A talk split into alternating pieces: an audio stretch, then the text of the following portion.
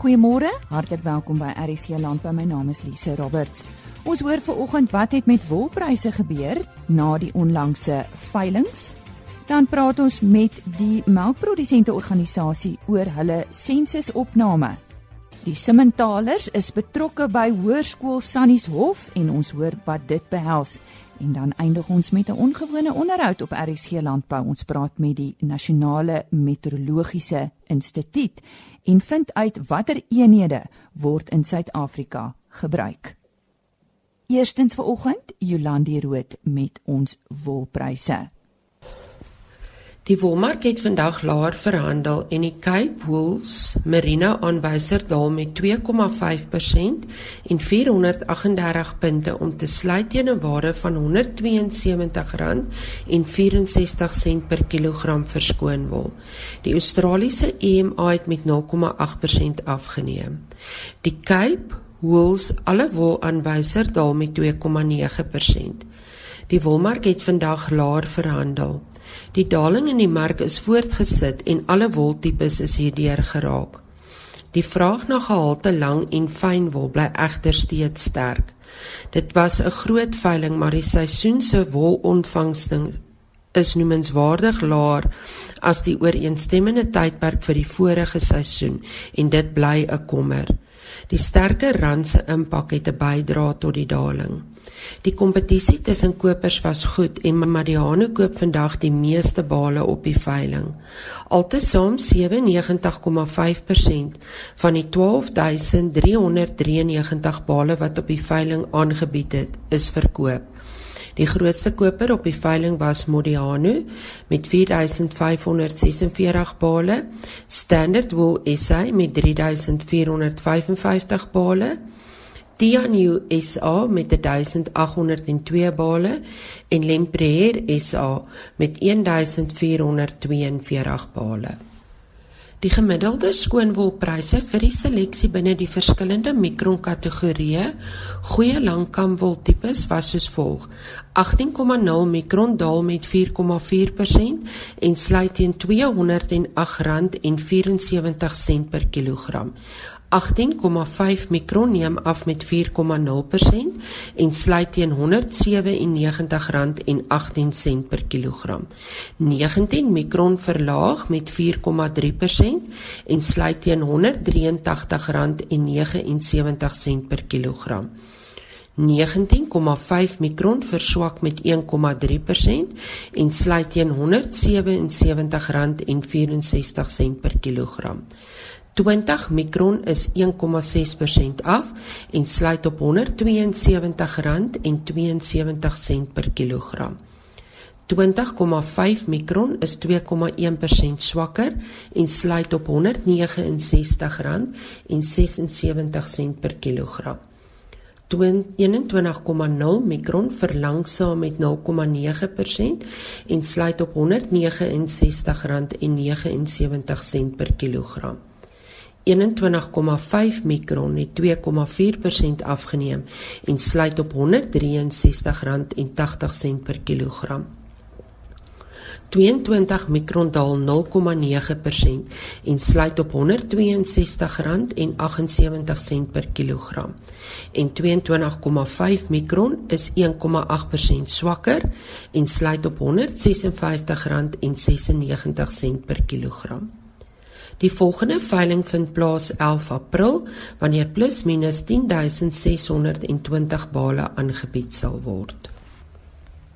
Die stem daarvan Jolandi Rood. Ons sluit nou aan by Henny Maas en hy praat met die melkprodusente organisasie. Die melkprodusente organisasie doen jaarliks 'n sensusopname om die struktuur van melkproduksie te bepaal.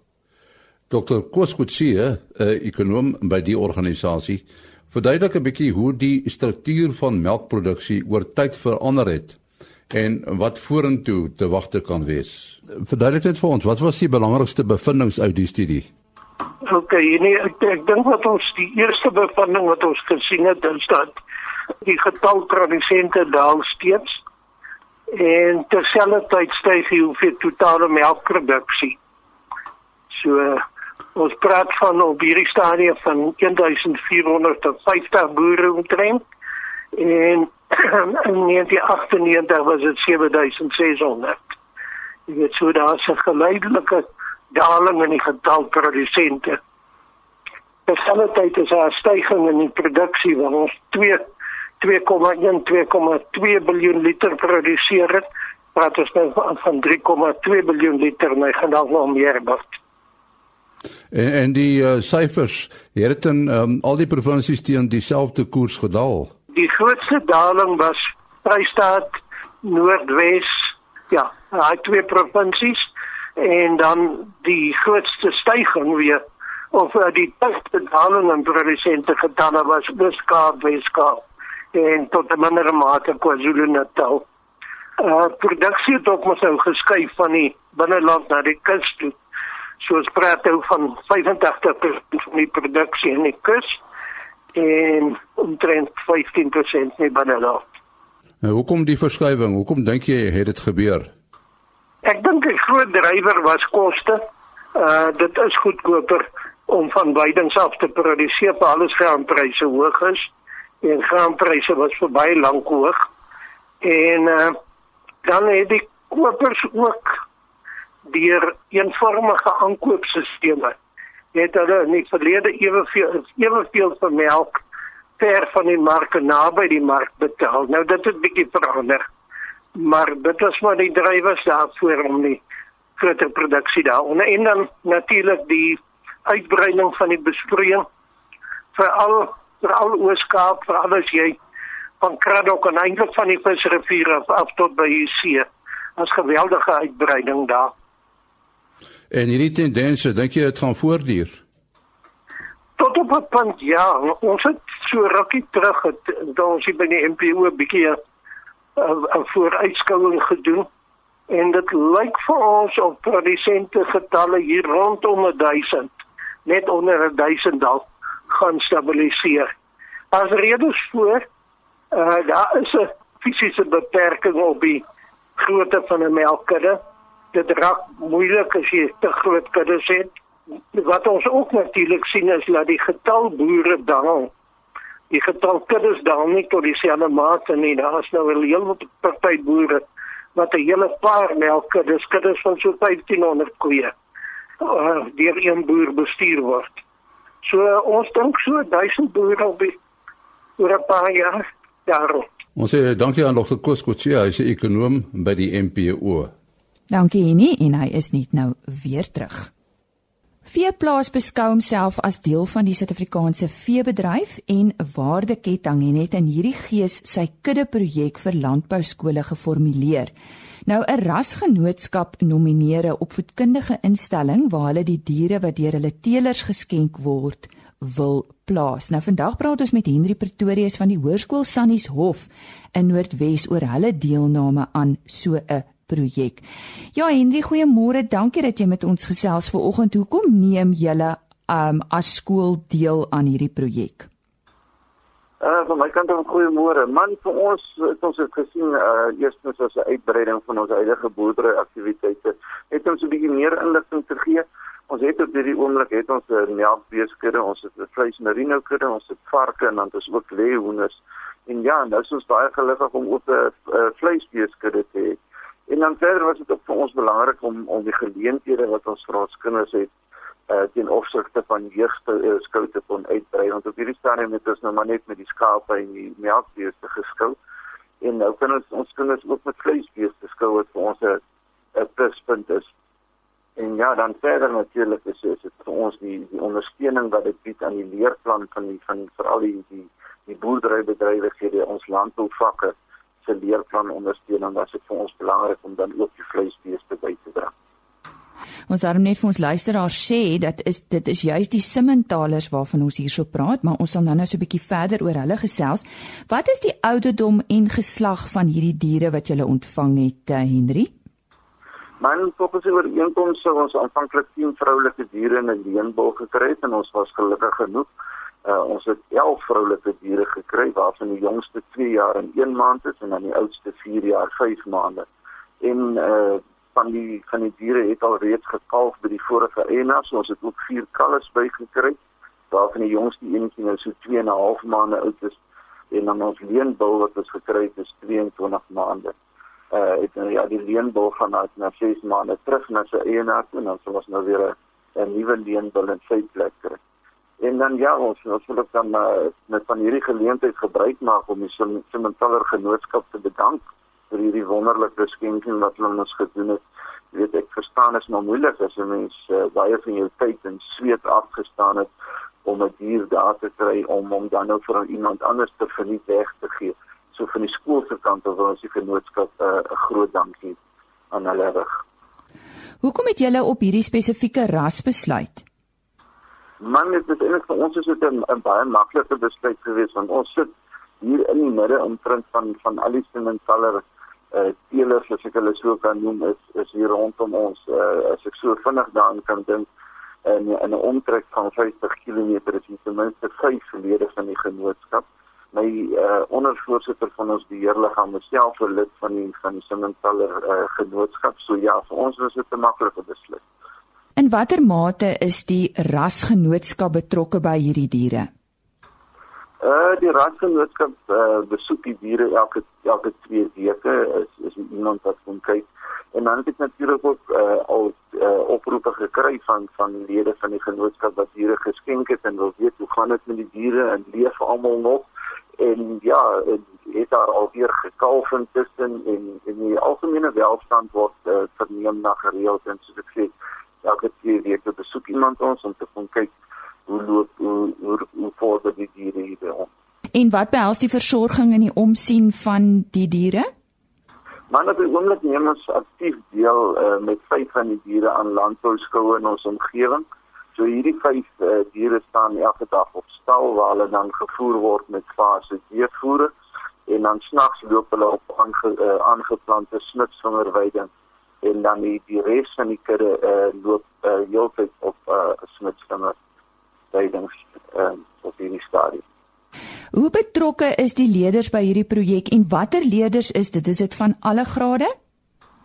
Ja, nee, dit is dis van van soos soos ons sou sê van speen uit tot stop. Uit nee, van die graad 8 tot die graad 12 is betrokke by hierdie by die projek en soos ek sê, dis baie nou daarby betrokke. Ons het dan nou hier aan die einde van van Februarie het ons 'n van die hof jeugskool aangebied waar ons met die diere geskou het.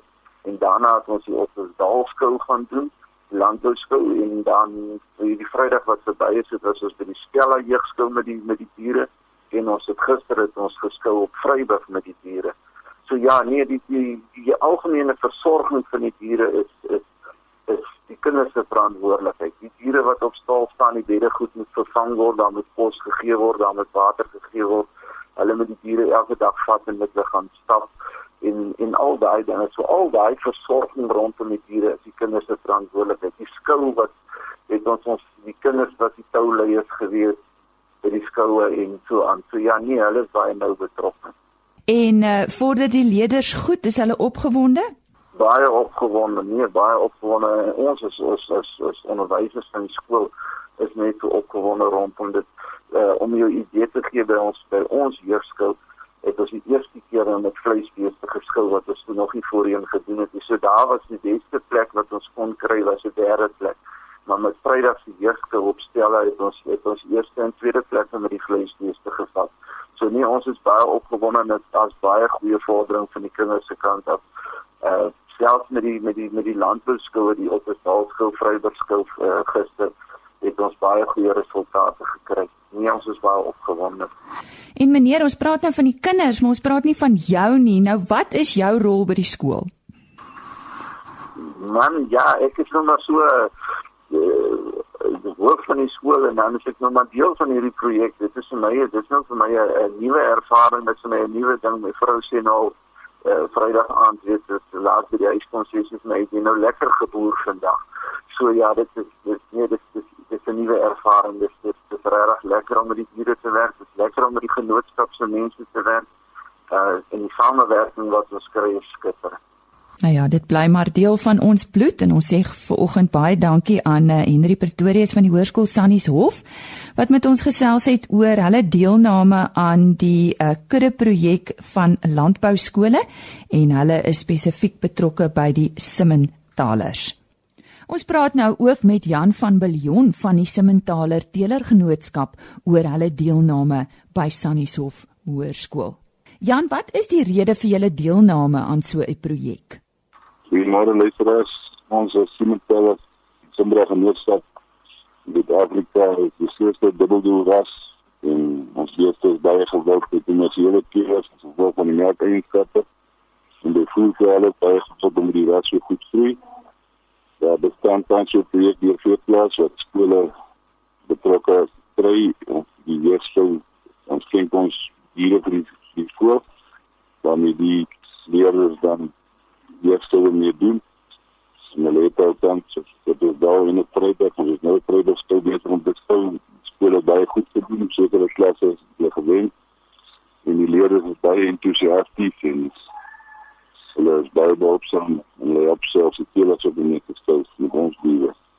Hoe sien julle as genootskap moet daar met julle diere by die skool geteel word? Wat wat verwag julle?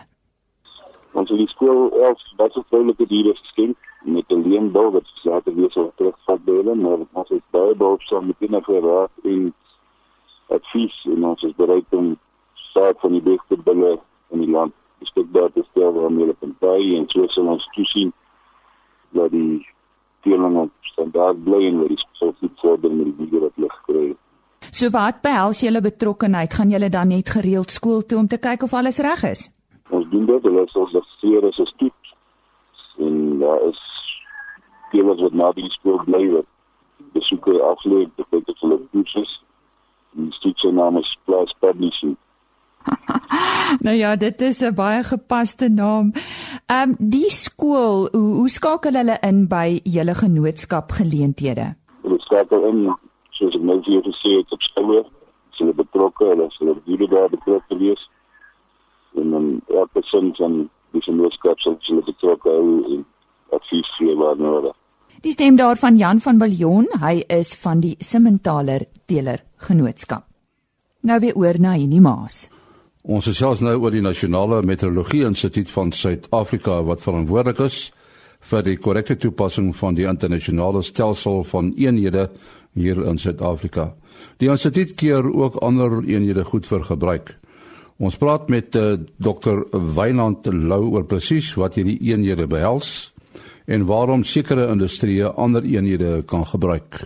Wynand, miskien moet ons eers by watter eenhede in Suid-Afrika kom wat gebruik kan word. Wat is dit alles? Eh, uh, en ons gebruik basies die SI eenhede, so die internasionale stelsel van eenhede. En uh, dit word dan as 'n regulasie uitgegee deur die Nasionale Meteorologie Instituut van Suid-Afrika. Um, ons kan ook ander eenhede goedkeur vir gebruik in Suid-Afrika. Maar so die SI eenhede is maar hoofsaaklik gebaseer op die metriese eenhede, die metrieke eenhede. Nou blykbaar mag jy wapenbedryf ander eenhede gebruik as die SI eenhede. Nou, hoekom is dit? Ja, en nie, dit gaan maar oor veiligheid en dit gaan nou nie maklik wees om byvoorbeeld as jy 'n geweer koop wat in die FSA vervaardig word en wat in uh, ander eenhede gegee word soos die ou uh, imperial tipe eenhede en dan moet jy nou ammunisie daarvoor koop in in die metrieke eenhede of in millimeter nie. So dan is dit natuurlik nou veiliger uh, maak maar die eenheid dieselfde en laat hulle toe om nog die ou eenhede te gebruik. So as jy byvoorbeeld nou 'n .308 geweer het, dan gaan koop jy ammunisie as .308 ammunisie. Ehm um, en dit is nou saaklik daaroor Die ander bedrywe wat ander eenhede kan gebruik is byvoorbeeld in 'n lugvaart en maar ook weer oor dieselfde redes uh, vir veiligheid. So as jy nou 'n uh, Boeing het wat uit Amerika uitkom en waar daar eenhede gegee word in ou eenhede, ander eenhede as metrieke eenhede, dan laat ons dit wel toe. Nou wat kan gebeur as jy nie die regte eenhede gebruik nie? Ja, soos ek sê, dit kan nogal gevaarlik wees. Daar's 'n paar voorbeelde in die wêreld waar vliegtye byvoorbeeld geval het, um, as mense die verkeerde eenhede gebruik het. En daar was 'n geval so 10 jaar gelede waar 'n straler in die Verenigde State hulle brandstof ingesit het en, en dit was in kubieke meter gespesifiseer en hulle het dit toe in kubieke voet um, ingesit. So natuurlik nou baie minder brandstof as wat moes gelaai word. En uh, die vliegtuig het halfpad op pad na sy bestemming toe eenvoudig uit brandstof geraak en net neergestort. Ehm Ehm um, dieselfde natuurlik as wat ek gesê het um, in amen, met ammunisie, as jy nou die verkeerde ammunisie in 'n geweer sou sit, kan dit natuurlik baie gevaarlik wees. En die desimale merker hier in Suid-Afrika, is dit is dit 'n punt of 'n komma? En dit is 'n vraag wat baie mense ons altyd vra. Nou die SI uh, stelsel van 1960 het net 'n komma toegelaat as die desimale merker. So eintlik was dit net 'n wette gewees om 'n komma te gebruik as desimale merker in Suid-Afrika wat so 'n paar jaar later die SI eenhede aanvaar het vir gebruik in Suid-Afrika, het toe dit aanvaar. So ons desimale merker is die komma. Nou tot so 'n paar jaar gelede was dit eintlik nie eers wettig vir jou gewees om 'n instrument te gebruik wat 'n punt het as 'n desimale merker nie. So as jy hierdie instrument sou invoer, was dit eintlik nie wettig om hom te gebruik in Suid-Afrika nie. Maar ehm um, ons op internasionale vlak, die internasionale komitee van mate en gewigte het ons uh, hier by 2007 besluit dat die punt wel gebruik mag word in die SI. Maar 'n land moet besluit watter ene gebruik hy. So Suid-Afrika gebruik nog steeds die desimale merker, die komma maar dit is tog nou aanvaarbaar dat as jy 'n apparaat instrument of 'n meetinstrument invoer van oorsee af met 'n punt as die desimale merker, dan kan jy hom wel gebruik. Uh die gebruik van getalle, daar daar's blykbaar 'n spesifieke manier uh hoe getalle gebruik moet word. En ja, dit is die ander ding wat mense baie meer die mekaar raak want daar's twee skale wat gebruik word in die SI. Uh, dit is altyd aanvaarbaar, maar die land moet besluit watter een hy gebruik hy. En dit is 'n kort skaal en 'n lang skaal. Nou Suid-Afrika gebruik die lang skaal. Nou die lang skaal werk in duisende van miljoene. So jy begin by 'n miljoen en dan 'n duisend maal 'n miljoen is 'n miljard. En dan 'n duisend maal 'n miljard is 'n biljoen. 'n Duisend maal 'n biljoen is 'n biljard en so gaan jy aan. Die kort skaal werk in 'n bietjie anderste, so hy gaan as 'n 1000 maal 'n miljoen, gaan jy direk biljoen toe. So as jy in Brittanje sou wees en nou iemand sê dis 'n biljoen, dan beteken dit dis 'n 1000 miljoen. As jy in Suid-Afrika sê dis 'n biljoen, dan is dit 'n miljoen keer 'n miljoen. Ehm um, ons het wel in die ehm um, staatskoerant 8 Julie 2016 het ons dit so gepubliseer wat dit baie duidelik maak dat in Suid-Afrika gebruik ons miljoen, miljard, biljoen, biljard. Ja, baie interessant. Ons sê baie dankie aan Dr. Wynand Lou van die Nasionale Meteorologie Instituut van Suid-Afrika. Ons gaan kuier nou op George, ons medewerker in die Wes-Kaap, Hugo Logner, het met Gert Pretorius gesels. Uh, die Outeniqua Landbougenootskap het sopas die Wes-Kaapse Heerskou Kampioenskappe aangebied hier te George En dit was dan ook die voorloper vir die nasionale heerskap kampioenskappe wat ons gaan hou van die 1ste tot die 3de Oktober hierdie jaar. George Skougronne uh is, is is baie goed geleë. Al ons fasiliteite is onder dak. Dit word in tente gedoen. Ons uh, fasiliteite is van so aard dat ons vir die diere elke diersoort twee ringe in 'n tent beskikbaar kan hou. Ons uh, laaiplek geriewe is baie goed. Ons uh, kan aansit ete aanbied vir uh, 300 persone op 'n slag. Daar is slaapplek vir die kinders in koshuise. Ons kan byvoorbeeld in een koshuis kan ons 450 kinders huisves waar hulle heeltemal veilig en gerieflik is en uh, ons gee natuurlik vir lobby skouterrein kos. Ons skouterrein is ook baie uh, groot en gelyk. Ons uh, beskik oor meer as voldoende parkeerplek. Verder geniet ons ook uh, die volle steun van George munisipaliteit wat dan ook een van ons grootste borge is. George is ook baie gerieflik geleë naby die lughawe en naby die snelweg. George bied ook baie vermaak aan ouers en besoekers Daar is flieks as golfbane, onder andere Fancourt wat beskou word as een van die beste ter wêreld. Ons is ook naby die see. Ons is ongeveer 4 km van die naaste strand. George het ook ongeveer 300 gastehuise wat beskikbaar is en 'n blyplek sal daar nie 'n probleem wees nie. Uh ja, soos ek gesê die die afgelope uh, WP jeugskou kampioenskap het baie goed afgeloop. Uh hier was ongeveer 200 kinders wat deelgeneem het in 11 verskillende kategorieë. En ons uh, sien uit daarna om hulle weer tydens ons nasionale kampioenskappe hier te sien. En ons nooi almal al die skole van omliggende dorpe en van oor die hele land om Oktober maand hier by ons te kom skou. Dit was aan Gert Pretorius. Hy is die president van die Outeniqua Landbou Genootskap op George. Die genootskap het van 20 tot 21 Maart die Wes-Kaapse Jeugskou Kampioenskappe aangebied.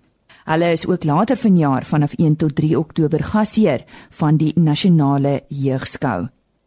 Ek het ook met Lourens van der Kolf gesels.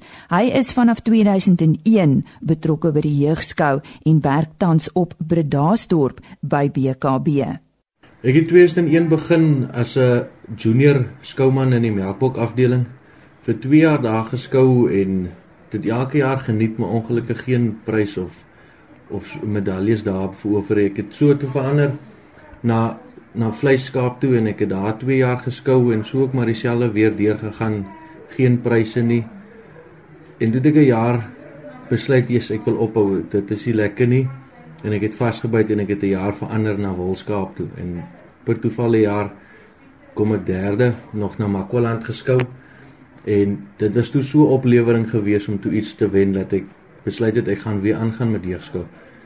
En 2006 2007 het ek die SA's gewen onder andere as junior deelnemer en senior deelnemer. En so het dit weer gekom in 2008 waar ek nie eers die span gemaak het om aan die nasionale te gaan deelneem nie. En dit het my weer terug op my knieë geslaan oor hoe kan ek een jaar wen en 'n volgende jaar nie eens 'n span maak nie. En dis waar die suksesverhaal gekom het waar ek besluit het volgende jaar is my laaste jaar ek sal moet begin om net my beste te doen en die beste deur te gee. En so teruggegaan in 2009 my laaste jaar weer die SA's gewen en op 'n goeie punt afgesluit en deur dit wil ek altyd vir die kinders sê moet nooit ophou as dit nie goed gaan met jou nie. Gaan aan, jou tyd sal kom. Eerens gaan jy die regte dinge leer om die regte dinge vorentoe te kan doen. Dit is altyd nie so maklik nie, maar jy het ouers wat jou ondersteun. Daar's baie mense wat jou in landbou gaan ondersteun, so jy moet maar net vasbyt en vra jou vra elke slag vir die mense. Almal sal jou altyd help want ons is almal bereid om kinders te help wat in die landbou belangstel om ons jeug in die landbou te kan optel sodat ons weet ons verseker vir onsself 'n beter plek binne in ons landbou. Vir my deegskou nie altyd net gegaan oor die skou self. Ek dink dit is 'n groter voordeel om mense en vriende te leer ken. Ek het soveel vriende geleer ken deur deegskou wat ons vandag een keer 'n jaar mekaar sien, maar ons gesels of ons landwyd of ons gesels asof ons mekaar jare al lank ken en mekaar elke dag sien. Daar's net nooit 'n stoppunt in dit nie. Dit het ook so deurgekom dat ek ouer mense ontmoet het in die tyd wat ek self geskou het waartoe ek begin werk het kon ek by enige op 'n plaas aanry en ek kon sien Jesus met die ou was ergens by die jeugskou so hy kon maklik vir my gerigstel en sê Jesus jy's nou op die regte plek of wees rustig werk net so aan. Um, so jy ontmoet baie meer mense en jy doen baie meer mense kennis op net deur jeugskou self ook te gaan skou. O ja ek het groot geword in 'n jeugskouhuis my pa was van jongs daar af betrokke. Ek dink van dit eers gou begin het was hy betrokke daar. Uh, hy was lank mos nou ook so die voorsitter van die Heerskool gewees. Grootliks maar eers begin in die Namakoland streek waar ek en my jonger suster deelgeneem het. My ma was die ook deel van die span. Dit was hele gesinsuitstappie as ons gaan deelneem met 'n Heerskool. Ons het ook so aangegaan dat later van tyd het my jonger susters ook bygekom en dit het later gemaak dat die hele gesin betrokke was en so het ons op die punt gekom waar ek klaar maak met skool. En hoe gaan ek dan betrokke wees by jeugskou hoe gaan ek verder kan skou? En ek het gegaan en my beoordelaarskursusse gaan doen. En terwyl ek geswat het het ek dit klaar gekry en ek het myself begin regkry as 'n beoordelaar om deel te kan wees van die jeugskou so het ek ook by BKB begin Ek werk nou heidaglik op Verdaarsdorp en BKB is ook 'n maatskappy wat baie goed gesind is teenoor jeug in die landbou en hulle is goed gesind teenoor ons as beoordelaars om elke slag te kan weggaan na skou toe om te gaan beoordeel. Dit is maar net hoe ek weer daar vasgebly het en aangehou bly het. So as 'n mens kyk, het ek 2001 begin en hier sit ons in 2018 ek is nog steeds deel daarvan. Elke jaar doen ek my dinge en bly deel van hierdie jeugskou familie as ek dit so kan stel wat ons het. Ons sê baie dankie aan Hugo Logner wat uh, ook met Lourens van der Kolf gesels het. Hy is uh, vanaf 2001 reeds deel van 'n jeugskou en het ook jong mense aangemoedig om nie op te gee nie want uh, die pad is nie altyd maklik nie. Laurens van der Kolf werk tans by uh, BKB op Bredasdorp. Fluit fluit ons stories uit vir vandag. Môreoggend op RC Landbou gesels ons met Ubaru oor uh, ja, belegging in 'n landboumaatskappy. Ons praat weer oor die Sorgum konferensie wat eersdaags plaasvind en Ons praat oor 'n ongewone varkras, die kolbroek. Onthou om daarvoor in te skakel. Dit is môreoggend RSG Landbou weer net hier op RSG. Totsiens. RSG Landbou is 'n produksie van Plaas Media. Produksieregisseur Henny Maas. Aanbieding Lisa Roberts. En inhoudskoördineerder Jolandi Root.